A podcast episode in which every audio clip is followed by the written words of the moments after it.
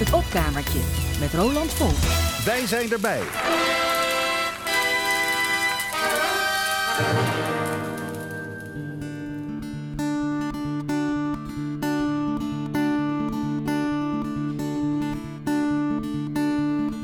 Eerst een paar jaar dikke boeken lezen. Over nou noem eens wat. De Gaza-strook. Wat is verzonnen, wat is echt bewezen? Wat is een feit en wat een hersenspook? En dan pas komen met één hypothese. Zo kan ik het ook. Eerst bij jezelf denken, wat zijn de symptomen en verschijningsvormen van een fenomeen? Kritisch zijn en niet vooringenomen. Rustig, evenwichtig en sereen. En dan pas met een soort van mening komen. Dat kan iedereen. Maar je leven in het aardedonker leven. Onontwikkeld, onbehouden zijn en dom. En toch steeds ongevraagd je mening geven. Al is je redenering nog zo krom. En is alles wat je zegt geouwehoer.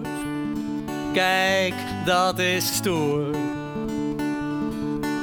Eerst je halve leven ergens op studeren. Totdat je er een hele hoop van weet. En dan voorzichtig leren formuleren. Wat je al die lange jaren hebt ontleed.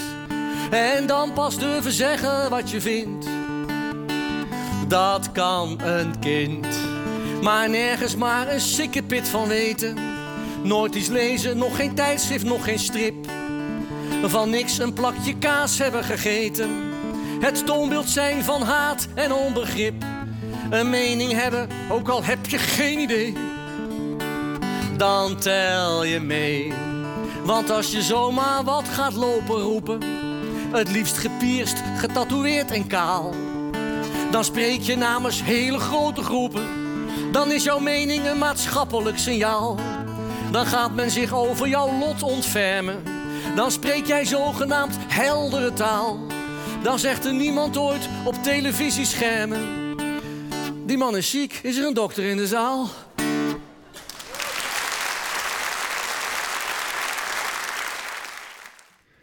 Ja, ik ben het opkamertje vandaag weer eens begonnen met cabaretier Jeroen van Merwijk. Hij mag dan drie jaar geleden zijn overleden.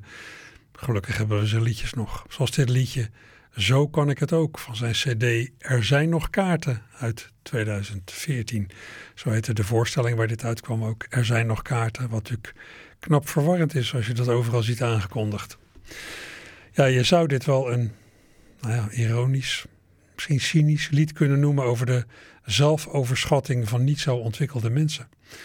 Het is een soort veralgemenisering van wat wel het Dunning-Kruger-effect wordt genoemd. Het psychologische verschijnsel dat mensen die incompetent zijn in een taak hun prestaties hoger inschatten dan deze in werkelijkheid zijn. Ja, zodra je ergens meer over te weten komt, dan ervaar je pas hoe weinig je er eigenlijk van weet of wist. Nou, van Merwijk lijkt dat verschijnsel uit te breiden tot sommige mensen die nergens competent in zijn, lijken niet eens te begrijpen wat competentie feitelijk is. Dat je ergens wat van af kunt weten door jarenlange studie of ervaring. En zo'n gebrek aan ja, begrip van ja, wat competentie eigenlijk is, en misschien ook wel een afkeer van deskundigheid, dat is iets waar populistische politici handig op lijken in te spelen door ja, veel te eenvoudige oplossingen te presenteren voor knap ingewikkelde maatschappelijke problemen. In Nederland zie je dat vrij sterk sinds de opkomst van Pim Fortuyn in 2001. Sindsdien echt het hek van de dam. Steeds staat er weer een nieuwe figuur op in wie sommigen ja, een soort verlosser zien. Iemand die zichzelf afficheert als de spreekbuis van het volk. Die eens even de bezem zal halen door de veronderstelde, falende, heersende elite. Nou, na de recente verkiezingen, de verkiezingen van afgelopen november, lijkt Geert Wilders in dat opzicht toch wel de succesvolste sinds jaren. Maar of het hem ook gaat lukken een kabinet te formeren, ja, dat is nog steeds de vraag. En of je dan echt nou, gaat afrekenen met bijvoorbeeld de publieke omroep, waarin hij een linksbolwerk ziet, dat lijkt me zeer onwaarschijnlijk. Maar in het PNN-VARA radioprogramma Spijkers met Koppen werd een paar dagen na de verkiezingen al met een flinke toef ironie een voorproefje gegeven van de aanstaande afrekening.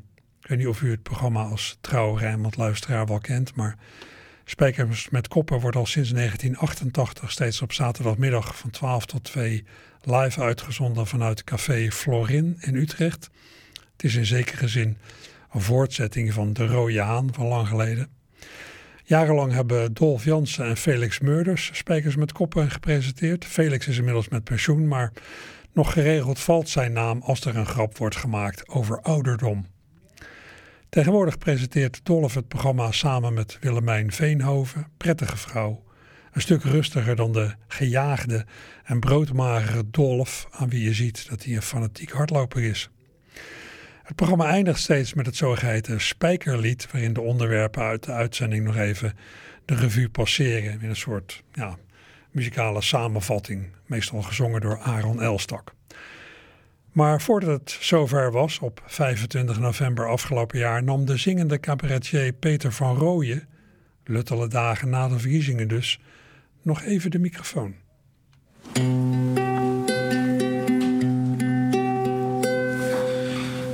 Ik ben zo bang voor Wilders en de PVV. En voor hun kiezers, want die lopen met ze mee. Ik ben zo bang voor hen en dat waar ze voor staan. Dat alles waar ik zo van hou kapot zal gaan. Want als Geert straks premier wordt, wat gebeurt er dan? Ik zie het voor me en ik lig er wakker van. En bovenal vrees ik de losgeweekte haat. Als het om linkse radioprogramma's gaat. Dan zie ik ons op zaterdag in de Florin. En dan trapt plotseling een voet de voordeur in. Het lachen dat verstomt en weg is het applaus. En daar staat met een grote knokploeg Dion Graus.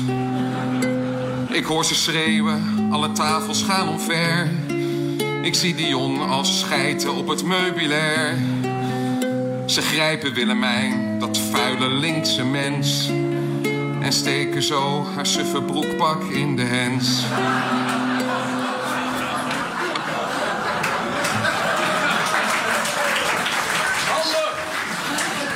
En Aaron roept, ach PVV'ers, doe dit niet.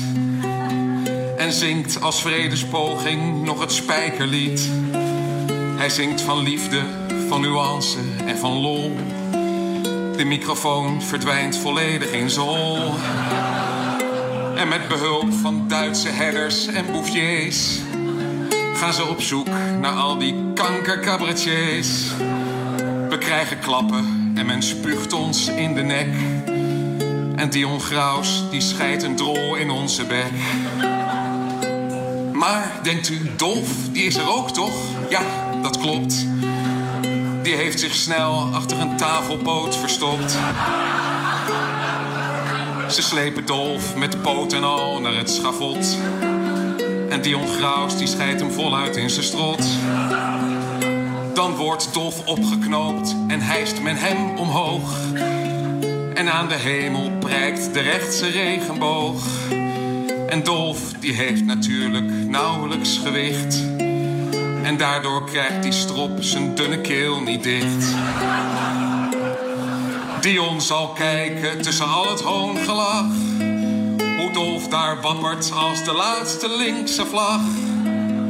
De geur van brandende cafés drijft door de stad. En Geert zit thuis in een fauteuil en aait zijn kat. Daar ben ik bang voor dat het ons te wachten staat. Dat spijkers bloedend en in vuur ten onder gaat.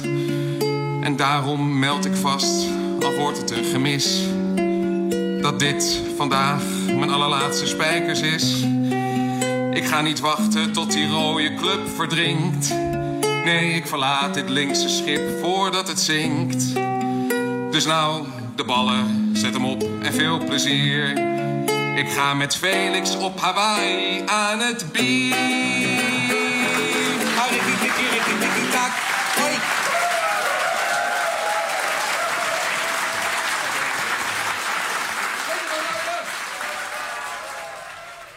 Ja, van ironie en zelfspot druipend lied van Peter van Rooyen in het BNN-VARA radioprogramma Spijkers met Koppen van 25 november afgelopen jaar. Uh, ja, een paar dagen na de verkiezingen, maar erg goed gedaan. Een andere cabaretier heeft zich jaren eerder al eens op de communicatiestijl van Wilders gestort. Hier is Ronald Goedemond in het seizoen 2011-2012 in zijn programma Binnen de Lijntjes. Ik geef geen flikker om politiek. Hè. weten, mensen die mij kennen weten ook. Daar kan ik niks te doen. Interesseert me gewoon geen zak. Weet ik niet allemaal wat er gebeurt. Oh, Ronald is op tocht in Libië. Oh, oh, oh. Weet ik niet. Maar... Uh, ja, nou, wat ik wel interessant vind aan uh, Geert Wilders... is dat Geert Wilders, dat vind ik zo leuk... die kan fatsoen veinzen. Er zijn sommige mensen die de trappen erin...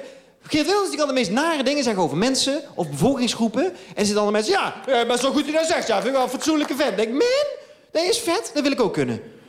Dan lijkt me super kom je op een feestje, zeg je super nare dingen over mensen. Andere mensen, hey! Want wat hij doet, Geert Wilders is gehaaid, jongen. Hij pikt er mensen uit en gaat hij op zitten vitten... zodat andere mensen achter hem gaan staan. Het is een beetje een machtsspelletje, een machtwellusteling is wat hij is. En uh, hij pikt er mensen uit. Hij zou hier ook mensen... Als je hier zit, stel, stel je stinkt. Uh, nee, nou, stel hier, je hebt een dag hard gewerkt. Je hebt een dag uh, kliklaminaat, vloer leggen. Toch een hele dag zitten kliklaminaten. En de hele dag zitten zweten. En je meurt een uur in de wind. Ja, maar dat is een eerlijke stink. Dat is van de werk, godsamme. En uh, je hebt honger ook, of niet, van de werk. Dan ga je de snackbar, je hebt zin in friet. Zeg, godsamme, sta je de snackbar, doe mij uh, een grote friet met joppie saus. Daar twee frikandellen in, dik kaasvlees bovenop, dik klot mayonaise. Dan slaan ze maar plat, ik vreet toch helemaal op. nou, dat kun je doen. En, uh, maar het is dus heel aannemelijk dat als in die situatie uh, in die snackbar Geert Wilders achter je zou staan... dat hij aan plein publiek, waar iedereen bij is... jou zou gaan vertellen dat je stinkt... terwijl die fatsoen veinst. Dan tikt hij op je schouder, jij draait om, kijkt Geertje aan en zegt hij... Zeg, uh, meneertje koekenpeertje... Ik wil u en de walm om u heen niet lastigvallen... maar het gaat erom dat we hier met z'n allen een geur bemerken... die eigenlijk niet door de beugel kan. Dat hier iets te ruiken valt wat niet past wat niet hoort. Kijk, we zijn hier met z'n allen natuurlijk uh, hardwerkende Nederlanders. Dat doet er nu niet toe. Het is belangrijk dat je fatsoenlijk met elkaar omgaat, vind ik. En, en daar hoort natuurlijk ook een geur bij. Een geur die u niet heeft. Kijk, ik denk dat we hier gerust ook... Ik denk dat we gerust hier met z'n allen ook bereid zouden zijn... een bijdrage te leveren. Hè? Een bijdrage die u waarschijnlijk al heeft gehad... in de vorm van een uitkering. Maar uh, een bijdrage een bijdrage aan de aankoop van een stuk zeep. Hè, waarmee u aan de slag kunt. Waarmee u iets kunt veranderen aan deze smeerpijperij. Hè, aan deze aromatische janboel. Want meneertje, u moet toch wel echt knettergek zijn om te denken dat deze muffe, middeleeuwse kelderlucht onopgemerkt zou blijven. Hè? Werkelijk waar, de sokken van mijn oma hebben nog een beter boeket dan wat er bij u uit de poriën komt sijpelen. Doe eens even normaal, man. Hè? Doe eens even normaal. Kijk, het is precies precies. En al die mensen die snackbar staan te applaudisseren. En, en dat jij Geert Wilders aankijkt en denkt... Heeft hij nou gezegd dat ik stink? Dat is helemaal niet duidelijk. Hij, hij is... Je moet op hem letten, jongen. Hij is gehaaid. Die vent, die je... Dat is een gehaaide vent. Dus hij zegt ook altijd, hij zoekt altijd de oorzaak van alles buiten zichzelf. Ook als hij namens de PVV praat, is altijd de oorzaak van alles ligt buiten hun, buiten zichzelf. Zelfs hun hebben dit verneukt en hun doen dit verkeerd en hun doen dat fout en hun hebben dat verzaakt. En, en hun is niet eens onderwerp, grammaticaal. Dus de club daar je zak van, maar het zou de perfecte slogan zijn voor de PVV, of niet? PVV, komma, hun hebben het gedaan. dat, dat voelt kloppend. Ronald Goedemond, zo'n twaalf jaar geleden in zijn theatershow Binnen de Lijntjes. Treffend.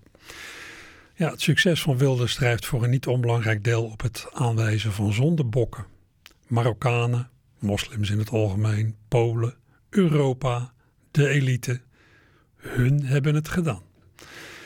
Wilders is ook al heel lang bezig om te zagen aan de poten van de democratische rechtsstaat, aan het weefsel waarin macht wordt gecontroleerd kabinet wordt gecontroleerd door de Tweede Kamer. Wilders noemt die Kamer een nep-parlement. De politiek als geheel wordt ja, mede gecontroleerd door de pers. Wilders noemt journalisten tuig. En iedereen wordt gecontroleerd door de rechterlijke macht. Wilders heeft het over D66-rechters. Allemaal tekenen dat hij de democratische rechtsstaat niet serieus neemt. Zijn kiezers lijken dat geen probleem te vinden.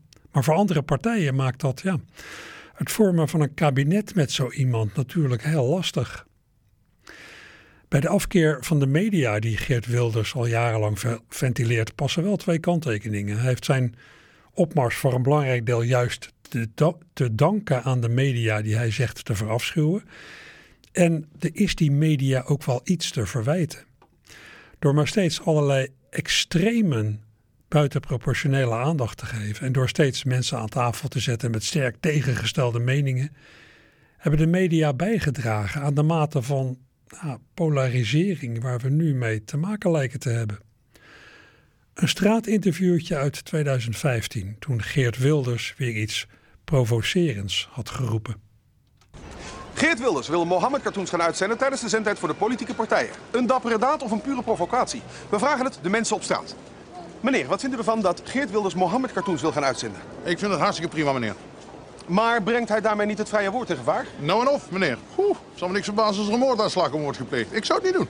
Aha, dus u bent bang. Maar is het niet een heldendaad voor de vrijheid van meningsuiting? Nou en of. Dapper, super dapper. Echt, zou me niks verbazen als er een standbeeld voor hem wordt opgericht. Een standbeeld voor een provocateur. Is dat geen olie op het vuur? Nou en of, meneer. Oeh. Maar hij steekt wel zijn nek uit. Dat is gezien de IS-situatie niet zo'n handige uitspraak, meneer. Dus wat u zegt is dat als hem iets overkomt, hij dat aan zichzelf te danken heeft? Dat zijn uw woorden, meneer. Ja, maar wat zijn dan uw woorden? Meneer, u bent helemaal niet geïnteresseerd in mijn woorden. Ik wil weten waar u voor staat. Ik sta op dit moment voor een manisch uh, mediamaloot met een microfoontje. Die probeert van een mug een olifant te maken, meneer. Ik behartig de belangen van het vrije woord. Ach, meneertje, meneertje. U behartigt uw eigen belangen. Ja? Er is ook geen tekening op tv geweest, maar u neemt als een voorschot op de waanzin, meneer. Is dat het? Is dat het, meneer? U. U bent het gevaar voor het vrije woord. Wat vindt u eigenlijk? Ja, u snapte dat inmiddels misschien wel. U luisterde naar een sketch uit het programma Draadstaal van Dennis van der Ven en Jeroen van Koningsbrugge. Heel sterk. Waar ik persoonlijk ook een beetje ja, doodziek en doodmoe van word, zijn die peilingen de hele tijd. Als er vandaag verkiezingen zouden zijn, dan zou die en die partij zoveel zetels halen. Ja, fijn, die zogenaamde politieke barometer, maar er zijn helemaal geen verkiezingen. Je draagt met al dat gepeil vooral bij aan een heigerige sfeer rond de politiek, alsof we in een constante populariteitspol zitten. En die peilingen hebben nog een effect, een beetje een raar effect. Dat schijnt bij de laatste verkiezingen ook uh, zijn opgetreden. Dat was bij de laatste verkiezingen ook het geval. Niels van der Laan en Jeroen Woe die legden het even duidelijk uit in de aflevering van hun programma Even tot hier van ook weer 25 november afgelopen jaar, meteen na de verkiezingen. Hoe heet dat effect waar ik op doel? Het bandwagon effect. Het bandwagon effect. En mensen lopen graag achter de muziek aan. Oftewel, ze stemmen het liefst op winnaars. Ja, mensen houden van winnaars en daarom lopen ze dus over. Ja, dat, dat, is, dat is toch belachelijk. Het is alsof je je hele leven Ajaxiet bent... maar nu ineens voor Feyenoord gaat lopen juichen. Jeroen Woel. Ja, ja, ja. ja. wat, wat, is het, wat is het Feyenoordlied? Dat weet je niet eens. Hebben ze een lied?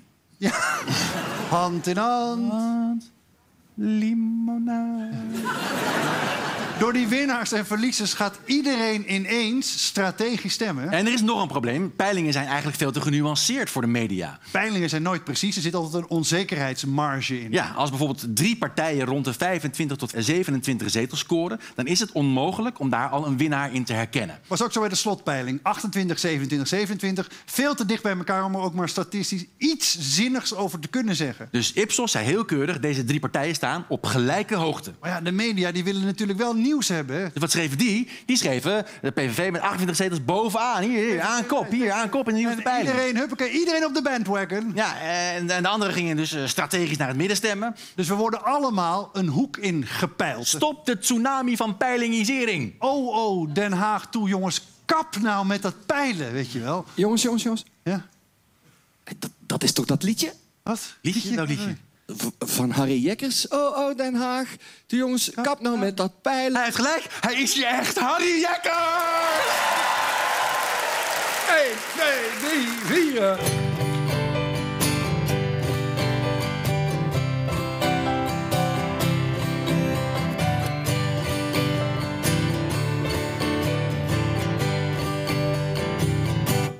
Ik zal best nog wel een keertje, net als vroeger, als ik mijn stem ga geven. Bij verkiezingen weer gaan voor een partij die ik zelf het beste vind. Maar door die peilingen ga ik de laatste jaren strategisch leggen zweven. En dan sta ik in dat hockey en sla mijn eigen echte voorkeur in de wind. Ja, ze brengen me in twijfel, want ze komen hele tijd weer met een peiling. En daarna gaan ze weer peilen wat die peiling met de vorige peiling doet. En die peilingwijzer voegt dan al die peilingen weer samen in één peiling. En dan staan ze weer te kwellen bij zo'n schuifscherm, joh, toch op. Want ik word niet goed. Den Haag, jongens, kap nou met dat peiling. Het is vaak veel te vaag, joh. We worden gepiepeld en misleid. Zit er zo vaak naast, joh. En niet zo'n beetje, maar soms mellen. Dus stop met gellen op dat peilen de hele tijd. Het gaat niet alleen om kiezers, maar die peilingen verwarren ook partijen. Want die lijsttrekkers gaan draaien als de peiling ze weer even tegen zit. En iets later doen die glijers dan opeens toch weer iets anders dan ze zeiden. Door dat overloos gepeil en dat gedraai delven wij het achterspit. Den Haag. Jongens, kap nou met dat peiling. Veel te vaag, joh. Je wordt gepiepeld en misleid. Zit er vaak naast. En niet zo'n beetje, joh. Soms mellen. Dus stop met gellen op dat peilen voor altijd. Stop met gellen op dat peilen voor altijd. Stemmen zou veel fijner zijn als er geen peiling meer zou zijn.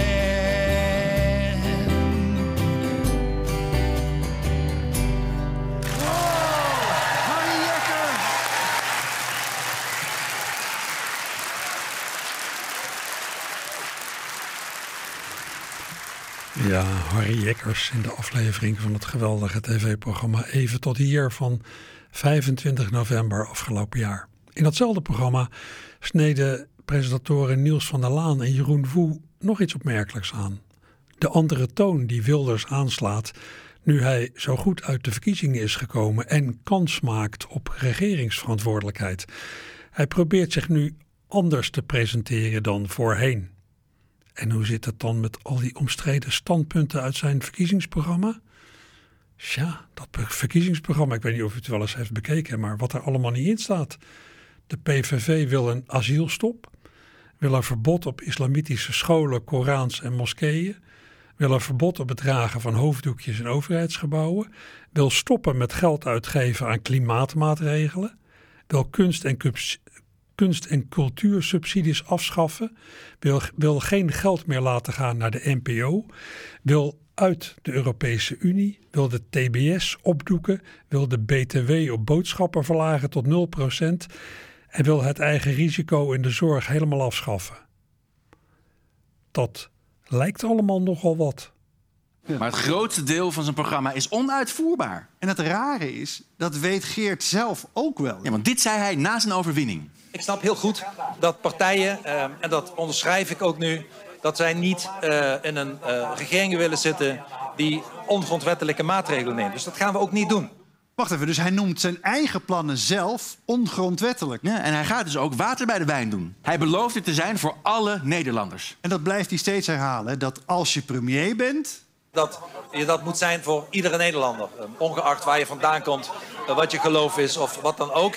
Dus ongeacht waar je vandaan komt, wat je geloof is, wat dan ook. Maar als hij er voor iedereen is, ja, dan hoeven moslims bijvoorbeeld nu niet zo heel erg bang te zijn hè, voor de PVV. Nee, maar dit was dan de stemoproep van de persvoorlichter van Geert. Hè?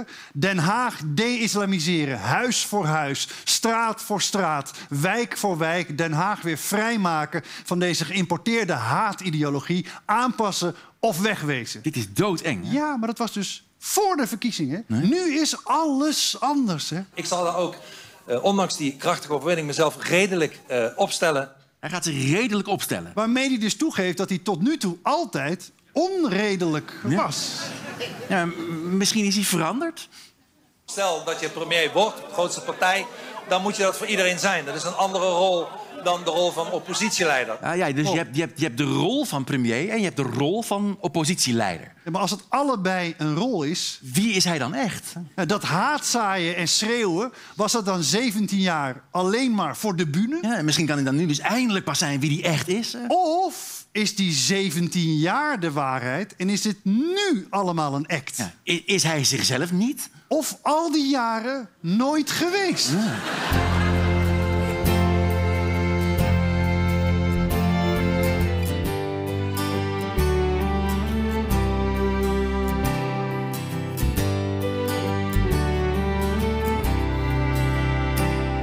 is de grootste van het land en ineens een uitgestoken hand. Extreem rechts, maar maak je maar niet druk. Hij was onaardig en gemeen, maar hij is er nu voor iedereen. Maar dat kan niet, want hij maakt alles stuk. Ineens een redelijke stem, die rust, die liefde, niets voor hem. En daarom niemand nu die Hij doet nu lief, zoals je ziet, maar ergens klopt er iets niet. Een kentering maar wat ons bezighoudt. Is hij zichzelf in ieder geval de jaren nooit geweest? Wordt hij de gangmaker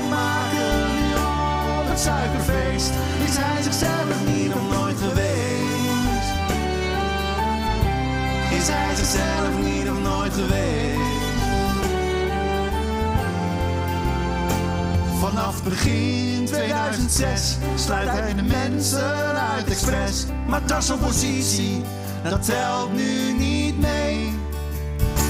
En al die haat dat minder, minder. Dat was niet waar, hij is verbinder. Hij is voor iedereen een echte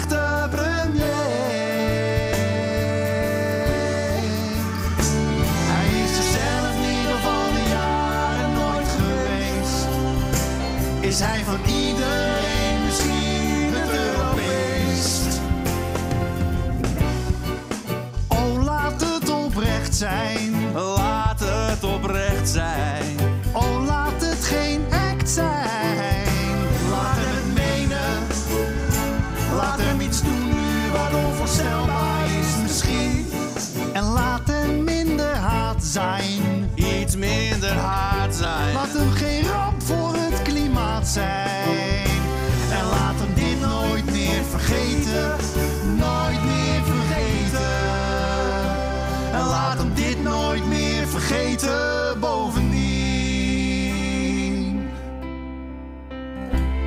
Hij zichzelf niet of al die jaren nooit geweest? Wordt hij straks roetveegpiet of Sinterklaasfeest? Hij is zichzelf niet of nooit geweest. Of al die jaren nooit geweest. Hij is zichzelf niet of nooit geweest.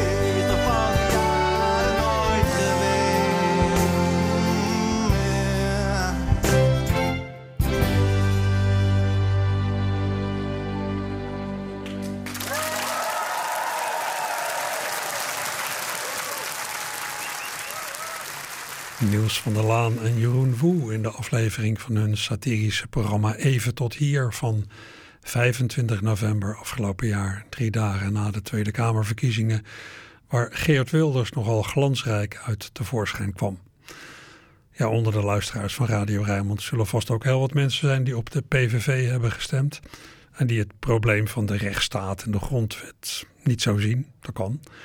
Ik wil er ook niemand persoonlijk om veroordelen, maar ik denk je kan nauwelijks onderschatten hoe gelukkig we mogen zijn met al die elementen van de democratische rechtsstaat. Tuurlijk. Ook daarin gaat van alles mis en dat wordt breed uitgemeten in de media. Misschien zelfs zo breed dat je als nieuwsconsument nog gaat denken dat het overal een zootje is. Maar elk alternatief voor de democratische rechtsstaat brengt ons veel verder van huis.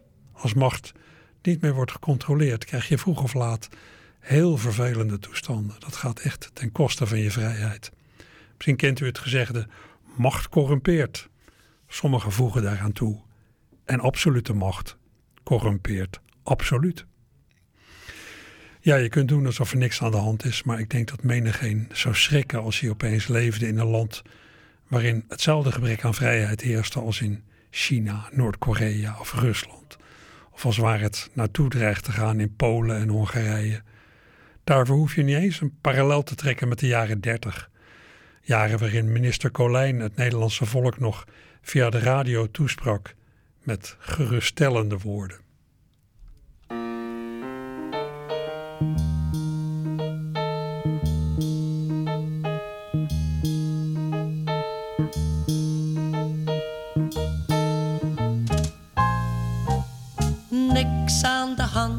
Zou er kunnen zijn in het Nederland van minister Colijn?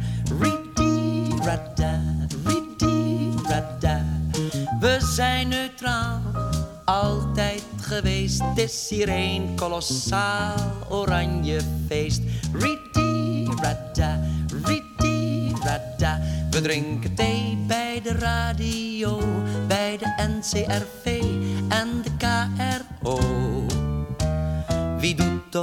wat?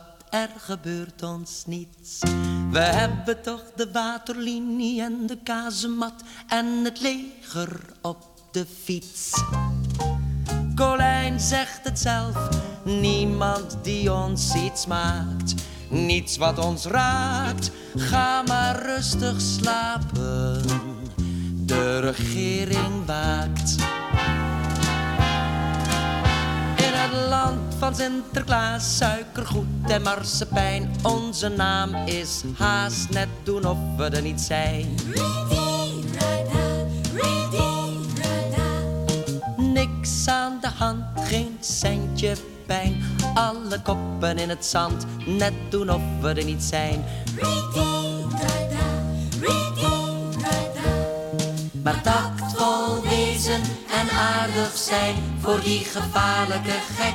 Dat krankzinnige brein, daar ginds in Berlijn. Als hij volkeren uit wil roeien, tactvol zijn niet mee bemoeien. Heel Europa naar de hel. Vriendelijk zeggen dank u wel, dank u wel, dank u wel, dank u wel. Miljoenen doden, miljoenen joden. Tactvol zijn is de beste methode. Lief zijn voor de psychopaat geeft het beste resultaat. Want over veertig jaar, wie zal het dan nog weten? In de jaren zeventig pakweg is het allemaal vergeten.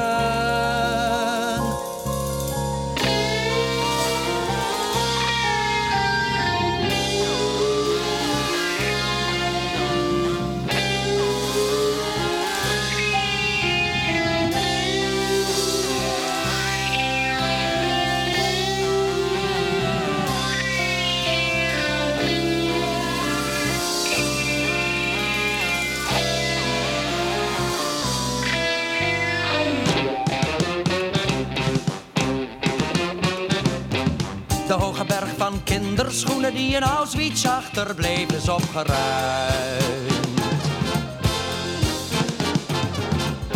En praktisch niemand die het daar nog over heeft. Er staat een Anne Frankhuis en er is een comité.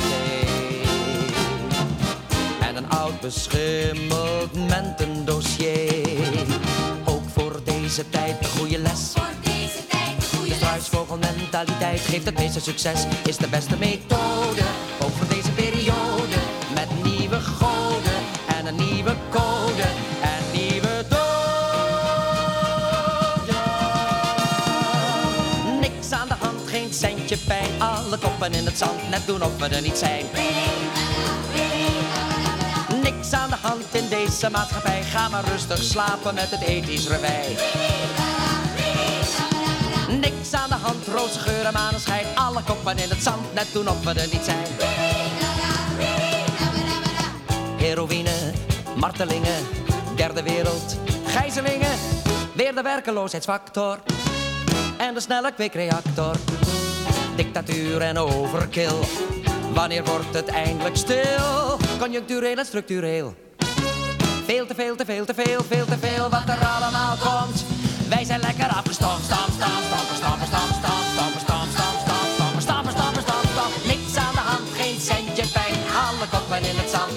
net doen of we er niet zijn. Ready,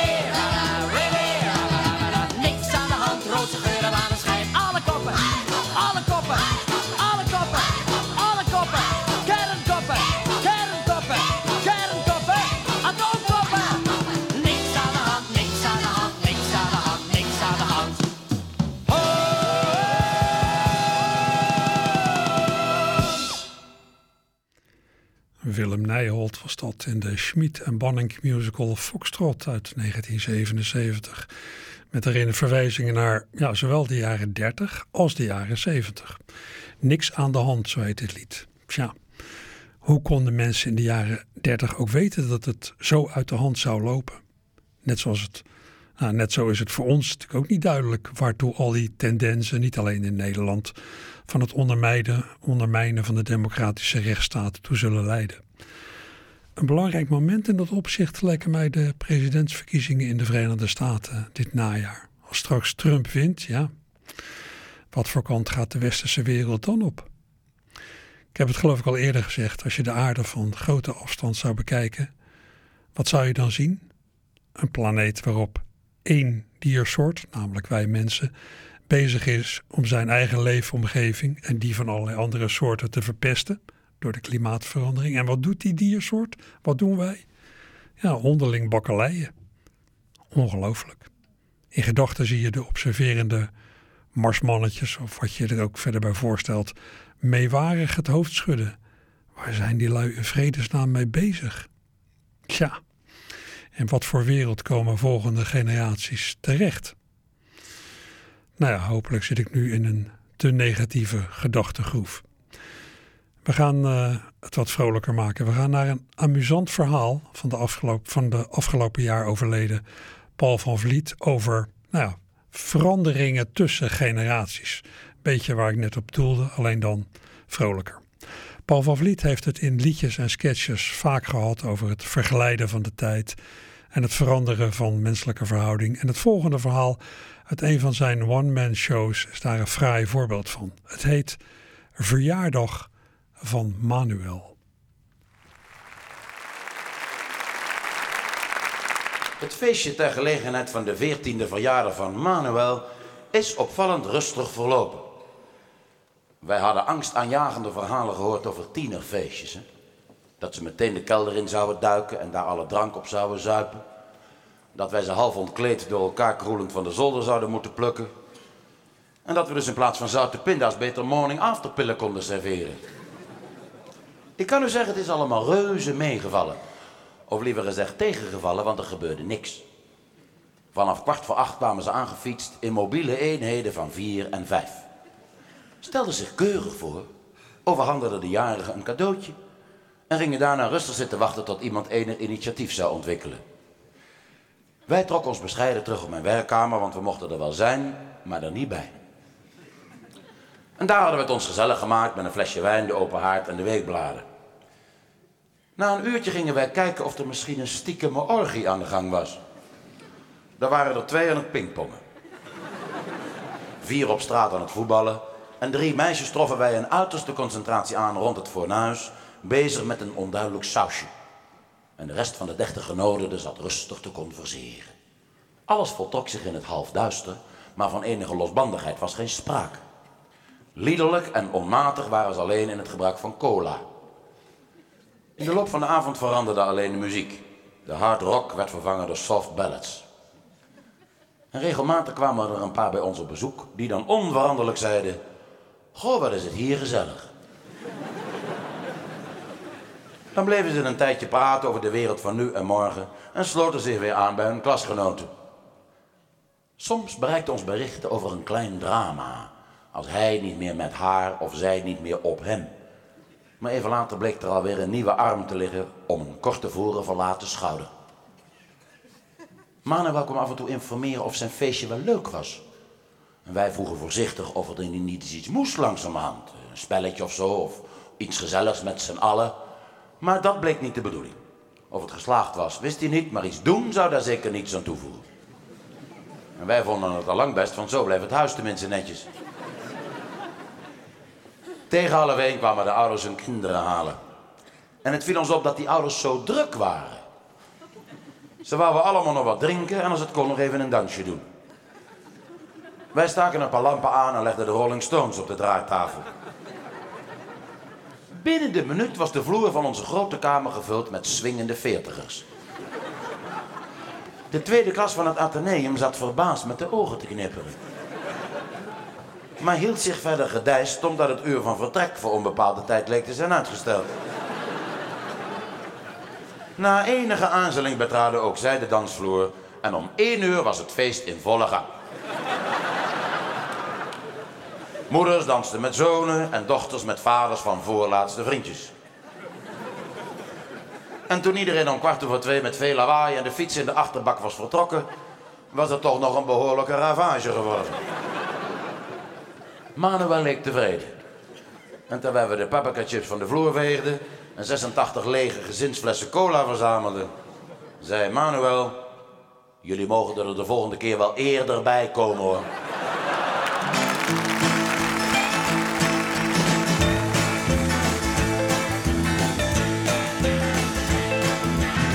Johnny's in the basement mixing up the medicine. I'm on the pavement thinking about the government. The man in a trench coat, badge out, laid off, says he's got a bad cough, wants to get it paid off. Look out, kid, it's something you did. God knows when, but you're doing it again. You better duck down the alleyway looking for a new friend. The man in a coonskin cap and a pig pen wants eleven dollar bills. You only got ten.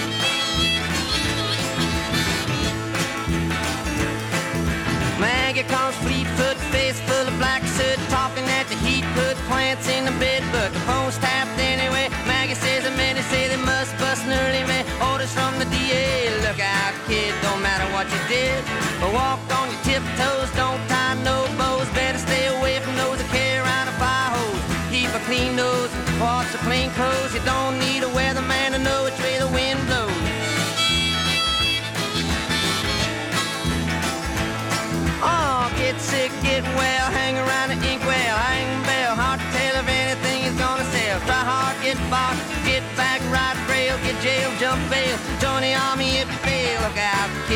You're gonna get hit by losers, cheaters, six-time users, hanging around the theaters. Girl by the whirlpools, looking for a new fool. Don't follow leaders or watch your parking meters.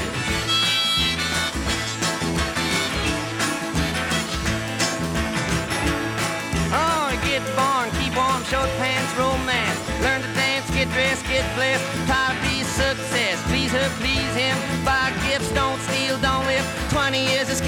They put you on a day shift. Look out, kid, they keep it all hid. Better jump down a manhole, light yourself a candle. Don't wear sandals, try to avoid the scandals.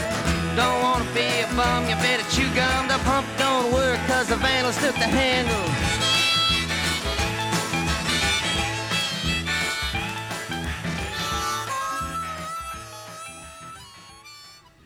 Ja, en dat was Bob Dylan met zijn nummer Subterranean Homesick Blues. Een opname uit 1965. Goeie kans dat u, dat u het filmpje hiervan wel eens heeft gezien. Met Dylan die allemaal velle papier met woorden uit de tekst laat zien en vervolgens op de grond laat vallen. Ja, waar het lied over gaat, Subterranean Homesick Blues. Nou, samengevat over de cultuurstrijd in de jaren 60. Over drugsgebruik, over de Amerikaanse burgerrechtenbeweging. Het is een soort schets van de tijdgeest en dat mede geïnspireerd door dichters van de zogeheten Beat Generation. Ja, en daarvoor hoorde u Paul van Vliet van de dubbel CD Hoogtepunten uit de One Man Shows 1984-1994. Dus het is al van een behoorlijk tijdje terug. Maar ja, dat, dat botsen van generaties zal wel van alle tijden zijn. Hè. Zoals sommige problemen van lang geleden ook gewoon terugkomen en aan een tweede leven beginnen. Denk even aan de woningnood van de jaren 60.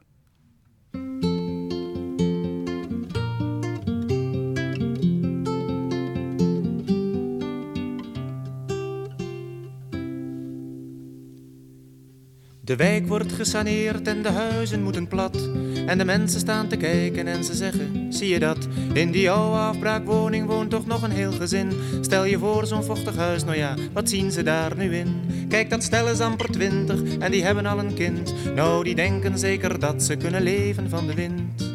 En dan knikken ze tevreden en dan gaan ze gewoon naar huis. Naar hun banen, naar een auto, naar de televisie thuis. Het waren slechte huizen en ze woonden clandestien. Ze hadden daar geen licht en ook geen water bovendien. Maar ze waren daar gelukkig met vier muren en een dak. Verder hadden ze aan luxe en aan dure meubels lak. Maar het huis moet afgebroken, want er komt een groot kantoor. Het gezin staat nu op straat, maar ja, het geld gaat altijd voor. En dat kan je makkelijk zeggen in je eigen mooie huis. Met je baan en met je auto, bij de televisie thuis. Ook al waren ze nu dakloos, één ding hadden ze geleerd. Om gewoon te mogen leven moet je eerst geregistreerd. Eerst een huis en dan pas trouwen, dus dan moet je een paar jaar enkel vriendelijk en gelaten zitten kijken naar elkaar. Als je dan het wachten moe bent en er komt dan toch een kind, moet je zien dat je dan zelf maar iets om in te wonen vindt. Want de mensen roepen schande en ze blijven veilig thuis en bespreken de problemen op de televisiebuis.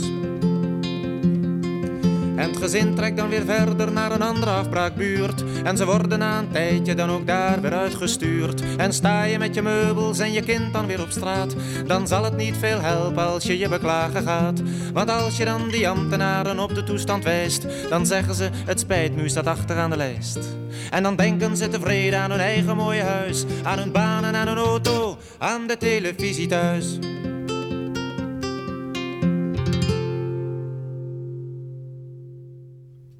Boudewijn de Groot van zijn eerste LP uit 1966. Zo oud is, is dit lied al. Tekst van Leonard Nijg, muziek van uh, Boudewijn zelf. Ja, sommige maatschappelijke kwesties die uh, keren gewoon terug of die verdwijnen nooit helemaal. En dat de woningnood uit de jaren 60 terug is. Ja, ik heb begrepen dat dat toch het gevolg is van politieke keuzes die zijn gemaakt. Nou ja, uh, ik had het uur graag vrolijker geëindigd. Volgende week dan gooi ik er weer wat meer uh, grappigheid in, zal ik maar zeggen. Um, maak iets van uw zondag. Zometeen uh, eerst nog uh, meer fraaie muziek. En vanaf twee uur de collega's van de sport. Jo. Dit, Dit is Radio Rijnmond.